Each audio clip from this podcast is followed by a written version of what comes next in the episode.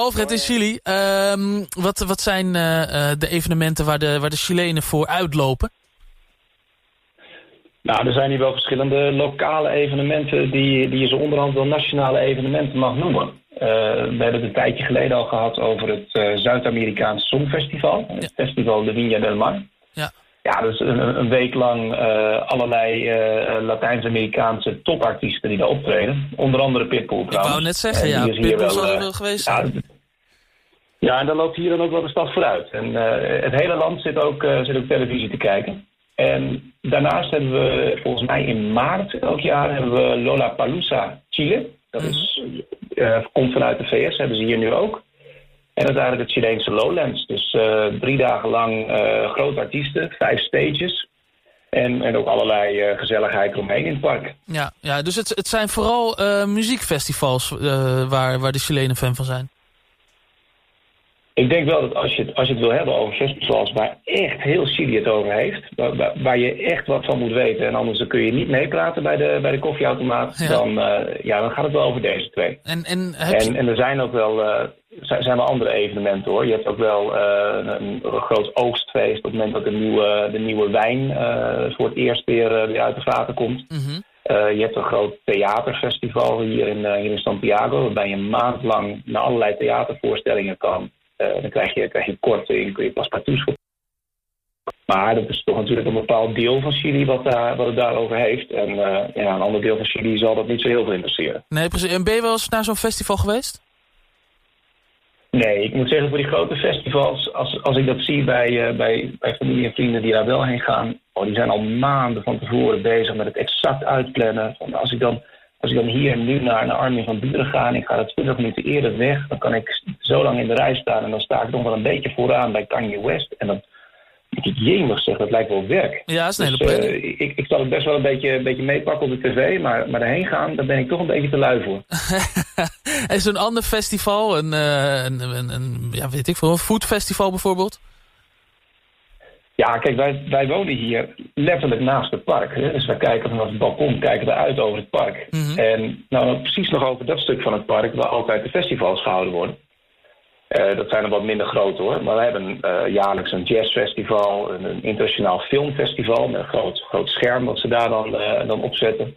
Een klassiek concert vlak voor de kerst. Ja, dat kunnen we allemaal gewoon perfect bekijken en beluisteren vanaf ons eigen balkon. Oh. Dus uh, ja, beter kun je niet hebben eigenlijk. We Ja. hebben een soort, uh, soort skybox. Ja, je hebt een eigen skybox. Dus, dus bij dat soort dingen dan ga je er wel even voor zitten.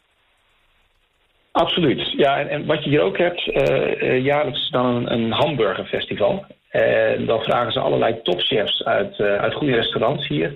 om in een soort steentje hamburgers te gaan, gaan maken. Mm -hmm. Eh, geweldig, want die mensen hebben allemaal gewoon drie varianten bedacht. En die staan er ook op een bordje.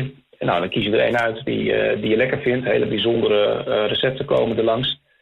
Ja, en, en wij, wij wonen daar natuurlijk vlakbij. Dus bij de opbouw, met het afbreken, vinden zij ook dat we daar wat overlast van zouden kunnen hebben. Dus wij krijgen dan behoorlijke korting op de entreeprijs. Oh. Dus ja, in zo'n weekend dan gaan wij uh, gaan we met de lunch een hamburgertje doen. En dan bij het diner weer. En de volgende dag nog een keer. ja, waarom niet? Ja, ja, en heb je, het klinkt niet alsof je er echt last van had. Nee, het valt wel mee. Ik bedoel, dit, is, dit is een grote stad. Dus ja, tussen ons en het park ligt een, ligt een, uh, ligt een grote weg. Uh, aan de andere kant ligt een grote weg. Dus ach, overlast heb je altijd wel. Er wordt op dit moment aan drie kanten gebouwd. Dus... Je, moet, je bent er wel een beetje aan. Ja, ja, ja. En, en wat is het meest bijzondere festival dat uh, Chili kent? Nou, ik, ik, vind een van de mooiste verhalen vind ik toch wel uh, Fiesta de la Tirana. Dat is een, een uh, Tirana, La Tirana is een dorpje van, ik denk 1200 inwoners, meer zal het niet zijn. En dat ligt hier 1700 kilometer vandaan, in, in, echt in the middle of nowhere, in, in het midden van de woestijn. Mm -hmm. En daar staat een, een, een heiligdom van uh, Virgin, uh, Virgin Maria de la Carmen. Uh, dus dat is een, een katholieke heilige.